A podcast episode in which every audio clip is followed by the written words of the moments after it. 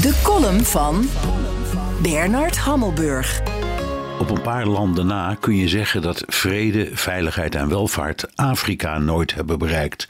Een groot deel van het continent heeft de boot gemist, wat in het Westen leidt tot een gevoel van machteloosheid en daarmee onverschilligheid. Aan het drama in Soudaan kunnen we simpelweg niets doen. Maar het gevolg, een enorme vluchtelingenstroom, is wel degelijk ons probleem. Zuid-Soedan heeft bemiddeling aangeboden en hoopt op verlenging van de huidige wapenstilstand, die nog geen moment is nageleefd.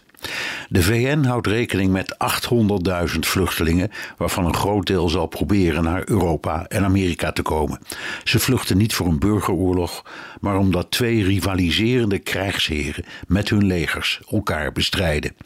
Daarbij zijn vele honderden krijgers en burgers omgekomen en vele duizenden gewond. Maar op de achtergrond speelt de haat mee tussen etnische groepen, met de Arabieren als meerderheid en volkeren als de Foer, Beja, Nubiërs en de Falata als minderheid. Er zijn meer dan 500 stammen die ruim 400 talen spreken. De genocide op minstens 300.000 burgers in de opstandige westelijke provincie Darfur, 20 jaar geleden, werd uitgevoerd door een huurlingenleger van Arabieren, de Janjaweed, je zou kunnen zeggen een soort Wagnergroep, ingezet door de toenmalige president al-Bashir. Inmiddels noemen ze zich de Rapid Support Force en vormen het leger dat vecht tegen het regeringsleger. De meeste buitenlanders zijn inmiddels geëvacueerd, maar Rusland heeft nog vier militaire transportvliegtuigen gestuurd om 200 burgers op te pikken. Omdat het vliegveld van Khartoum voortdurend onder vuur ligt, zijn de reddingsoperaties levensgevaarlijk. Ook de haven, Port Sudan, is onveilig. Maar het meest tragische is en blijft dat de burgers er niets aan kunnen doen. Het overkomt ze en ze zijn machteloos.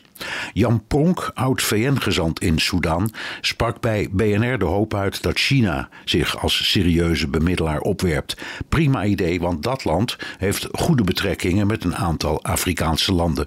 Maar ook Xi Jinping kan de krijgsheren niet dwingen meest urgente vraag voor ons: wat doen we met die nieuwe stroom vluchtelingen?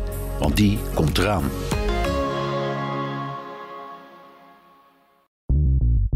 Bij BNR ben je altijd als eerste op de hoogte van het laatste nieuws. Luister dagelijks live via internet. Jelle Maasbach. Wesley Weert. We zijn er voor je met het leukste, opvallendste, maar natuurlijk ook het belangrijkste nieuws. Tijdens de presentatie van die halfjaarcijfers toen die beurskoers in elkaar kukkelde. BNR Beurs. Voor de slimme belegger. Blijf scherp en mis niets.